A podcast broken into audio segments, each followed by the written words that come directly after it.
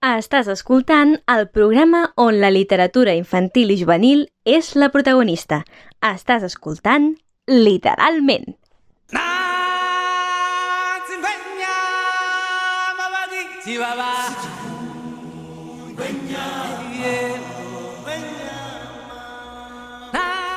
Ben, benvinguts un programa més de liter, Literalment.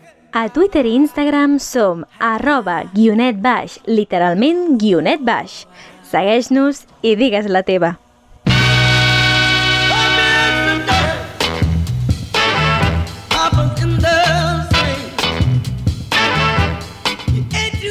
Viatgem amb la màquina del temps amb el Jordi. El, el programa d'avui, la meva secció, la màquina del temps, vull, parlar sobre els animals acompanyant amb llibres. Un viatge per conèixer el món de la nat- naturalesa mitjançant la literatura. Aquest viatge, la primera parada són els gossos. Els gossos són la millor companyia que es pot tenir y se estiman molt. En la mente de un perro, lo que los perros ven, huelen y saben, de Alexandra Ol Olovich. En forma d'assaig, Alexandra Olovich, professora de psicologia a la Barnard Co- College de Nova York, explica les habilitats cognitives de l'animal i com els humans els antropomorfitzen poseen comportaments propis de l'ésser humà. La mente perro explica l'origen del per què els gossos reaccionen com reaccionen i ajuda a entendre les pífies que fem humanitzant-los i el fet d'entendre una mica millor com pensen ens ajuda a tractar-los i educar-los millor. De reglas que ellos también entenen, suenan los perros. Casi todo lo que tu perro quería contarte de Stanley Coren. Amb un estil proper i a través de preguntes i respostes, el prestigiós psicòleg expert en coses Stanley Coren respon a dubtes que la majoria dels que vivim amb un gos ens fem sobre com pensen i actuen els nostres amics. Per exemple, els gossos tenen les mateixes emocions que les persones, tenen sentiments de vergonya o culpa, amb Sonen els perros? Resoltirem curiositats que segur que ens hem preguntat més d'un cop sobre el nostre com company pelut. La segona paraula d'aquest viatge era els cavalls. Els cavalls estan a les muntanyes, pels boscos i pels parcs. Els llibres que porto són aquests. Cavalls cap a la fosca. El seu apartament parisenc, un escriptor rememora els orígens de la seva família Serra del Badell i com si destapés una nova casa de Pandora. Va sorgir en la seva memòria les històries d'uns avantpassats sotmesos a les passions més desenfrenades, venjança, assassinat, adulteri, pilleria... Ell criat en una atmosfera cruel, corrupta i, es, i asfixiant, es farà a propòsit de trencar amb el seu passat ancestral. Els cavalls, la imatge de l'ensenya familiar, galopen cap a la fosca sense genet per deixar enrere la destrucció. Sortir a rodar, a robar cavalls. Quan decideix abandonar la ciutat per anar a passar la bellesa, és una cabana. A. I, i és de Noruega, i és de Noruega, durante no s'imagina tot el que la vida al bosc i l'única companyia d'un veí poden arribar a despertar. Les sensacions físiques el transporten a la infantesa. Concretament, a un ser d'estiu amb el seu pare, prop d'una família de pagesos enigmàtica i acollidora. Peterson, d'aquest grup editor, ja ha publicat Malaisa, el riu del temps cap a Sibèria. Ha estat traduït a més de 50 llengües la novel·la Sortir a robar cavalls. Quina meravella, quin cultura de l'art i amb quina subtilesa es fica sota la pell dels personatges. Peterson ens recorda que el paisatge té memòria, descriu els projectes i els anells humans amb la mateixa l'interessa en què captura la creació d'un bosc. La petja, plorant a la neu, la calma. En fi que sol presagiar els canvis de les nostres vides. Espero que us hagi agradat la meva secció. Moltes gràcies.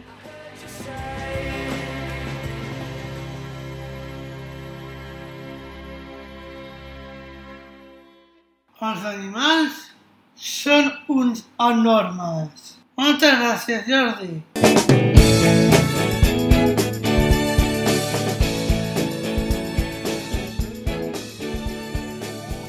A Literalment, llegim l'actualitat amb la Laia. Hola, sóc la Laia i això és Llegim l'actualitat.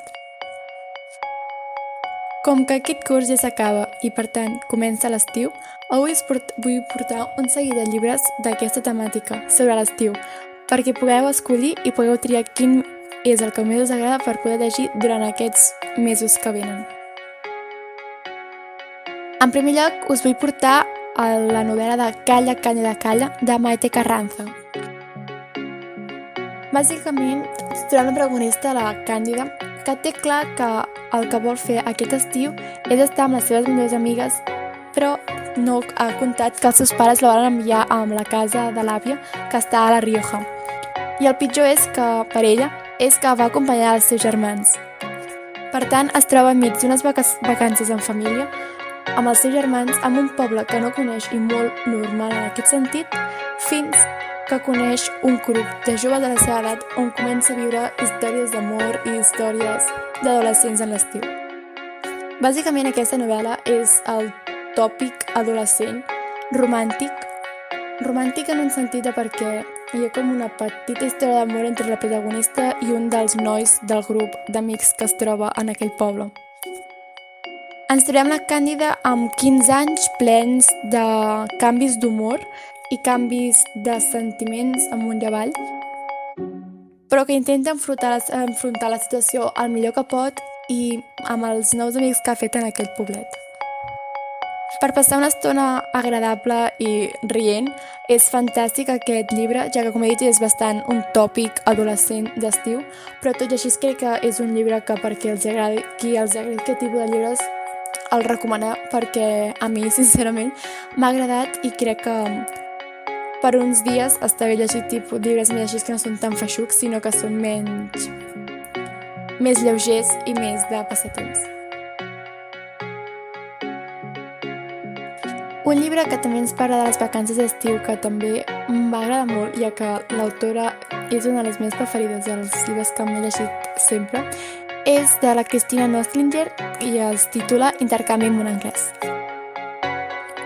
El protagonista d'aquest llibre és Lewald i té uns 13 anys, però l'anglès no és el seu fort en el cas de la, quan parlem de les assignatures de l'escola.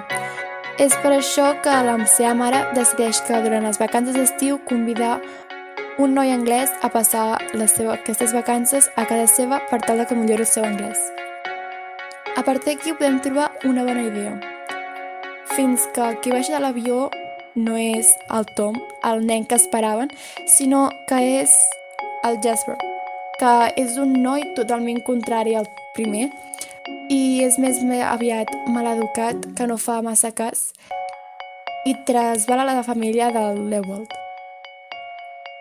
Aquest canvi de rols que ningú s'esperava és un canvi sobtat per la família del protagonista, però tot i així superen les dificultats i poden per poder conviure i aconseguir integrar-se tots en aquesta família per poder aprendre l'anglès i poder viure les vacances d'estiu normal.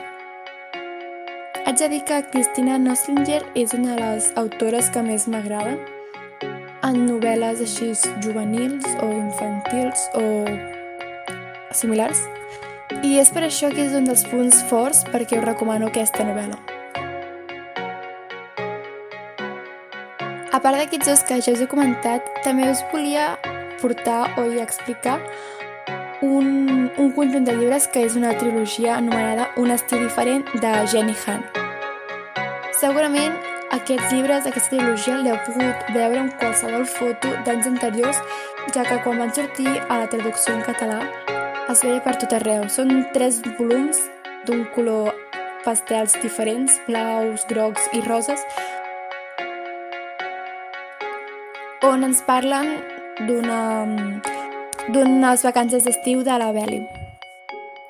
Aquest també podem dir que és el típic tòpic adolescent, ja que és de temàtica romàntica, on trobem tant sentiments desbordats de la protagonista, la Beli, tan alegres com més tristos o més de ràbia o el que li passi, li va passant durant aquestes vacances. I també podem trobar al darrere una història d'amor o entre els protagonistes i també una història d'amistat. Gràcies als flashbacks que l'autor ens demostra al llarg de la novel·la, podem recordar, molt més que recordar, observar totes aquelles situacions que la protagonista va passar en un passat i que com a lectors ens ajuden a comprendre diferents situacions o actituds dels protagonistes. A part d'això, també podem observar les interaccions familiars entre cada una de les famílies que podem trobar i els diferents sentiments que també estan a l'ambient. Així que si us agrada aquest tipus de novel·les més de caire informal i romàntic, um, haig de dir que és per vosaltres d'aquesta trilogia i que és una lectura molt àgil i cosa que fa que la, aquesta novel·la sigui, bueno, que enganxi i que es pugui elaborar molt ràpid i en poques hores.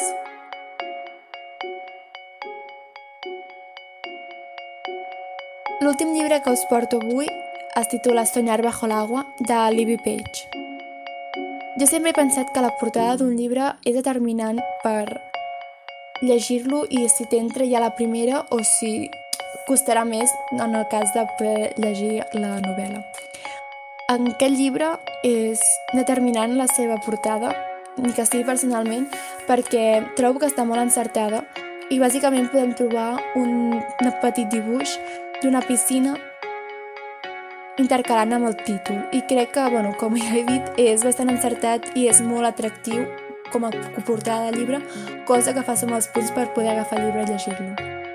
A part de que aquest llibre vagi sobre passi a l'estiu, també passa al voltant d'un tema d'una piscina i per tant podem dir que la piscina i l'estiu va molt relacionat i és per això que per gràcies a aquests dos aspectes podem dir que aquest llibre també podria formar part d'aquest programari de mm, llegir amb actualitat, ja que va tot molt relacionat. En aquest llibre podem trobar dos personatges principals. En primer lloc, la Rosemary, que és una viuda ja una mica gran, d'uns 80 anys, on està veient com en el seu barri estan tancant tots els llocs on acostumava a anar de petita. I per altra banda trobem la Kate, que és una periodista d'un d'un diari local i que gràcies a un fotògraf pot començar a investigar el tema sobre la piscina de què us parlava abans. I com es relacionen aquests dos personatges? Doncs la Rosemary està cansada de veure que tot el seu voltant i de tot el que havia vist ella sempre vagi tancant per obrir nous negocis o que no tenen res a veure o semblants i quan veu que la piscina en la que havia anat tota la seva vida i en la que s'havia enamorat del seu home, decideix que no vol tancar-la i que necessita ajuda. És per això que entre la Kate i la Rosemary s'uneixen per poder resistir i poder fer veure a la gent del barri que la piscina no és només un lloc per nedar, sinó que és part de la comunitat i que per tant l'han de protegir sigui com sigui. Enmig d'aquest problema per solucionar, per dir d'alguna manera, podem trobar, com sempre, sentiments, sentiments amors, problemes, mmm,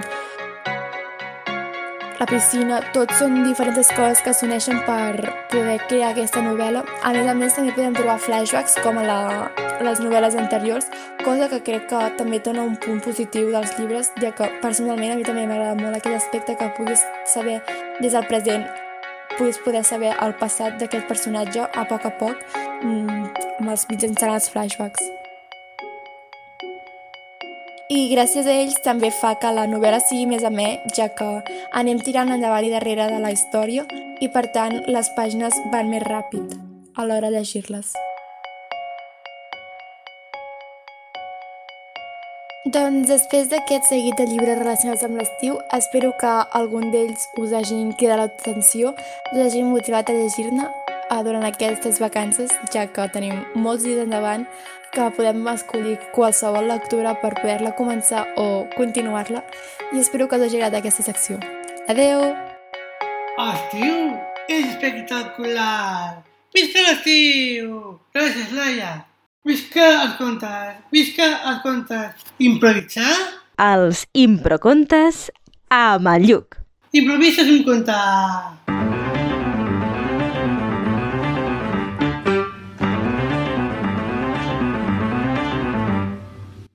Hola, sóc el Lluc i avui a la meva secció Improcontes, que per qui no sàpiga de què va és a improvisar un conte, com diu el nom, Improcontes, uh, us he portat un objecte amb el qual hauré de fer un conte, com, com cada... Uh, I aquest, aquesta vegada l'objecte és un porquet guardiola. Eh? Aquestes guardioles em, típiques del porquet doncs us imagineu perquè és així. I... Um, bé, ara començaré el conte. Tot va començar en una bonica habitació. La típica habitació d'un nen plena de joguines. Una mica com a Toy Story, efectivament, és una història. Però, el porquet, a diferència del porquet de Toy Story, a ell li feien bullying tot el dia li deien que era molt brut, perquè si, que si era un porc, que si estava molt gordo. I ell, i ell un dia va marxar de l'habitació. Sentia molt malament per tot això que li deien. I, i va decidir marxar. Ell, ell l'únic que volia era fugir d'aquells insults. Però en lloc d'això, va fer molt més. Quan va sortir al passadís, va recórrer amb por a trobar-se algú. I, fi I finalment, quan va arribar al menjador, se'l va trobar. El rellotge, que era un home amb uns bigotis molt grans, va ser el primer que va parlar amb ell. Li va dir, tu, on vas? Mm? Semblava amenaçant. El porquet va tenir por i li va explicar tot. Ai, el rellotge. El rellotge... Oh, havia passat aquesta època. Tothom deia que si era molt repetitiu, que si sempre feia el mateix. Però ell... Ell passava de tot. És igual el que diguin. El porquet va sentir-se admirat per aquella mm, mm, decisió que havia pres el rellotge de passar de tot i que ho havia aconseguit, efectivament. I ara estava dalt de la paret, tranquil·lament, dominant el menjador. El porquet va seguir avançant pel menjador i va arribar, al sofà. Al sofà li va dir que tothom seia sobre seu, que era més humiliant que això. Però ell, en canvi, no es deixava aixafar. Seguia sempre imponent amb la seva presència. Què seria un menjador sense un sofà? Després va passar per la tauleta del menjador. Dius, a mi sempre em cremen, em posen cafès o begudes o em fan de tot. M'embruten amb el menjar.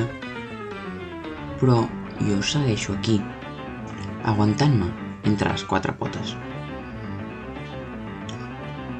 Després de tots aquests testimonis de superació, el porquet va decidir anar-se a trobar, a trobar-se ell mateix.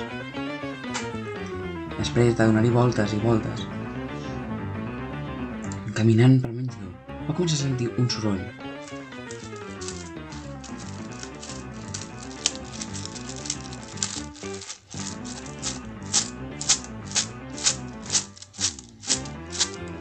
Aquest soroll va fer-lo adonar-se de que realment ell no era només un porquet. Va veure cap a dins seu, va mirar i va veure tot de monedes. Era ric. Per dins, era ric. Ell era gordo, però tenia per dins coses que els altres no tindrien i que tots voldrien. I quan va tornar a l'habitació, buah, era l'home als del món. I conte contat, impro conte acabat. I fins aquí la meva secció. Adeu!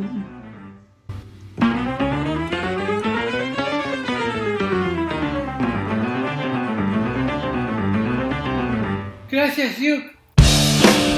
Espero que us hagi agradat el programa d'avui i moltes gràcies als nostres col·laboradors. Fins un altre. Gràcies.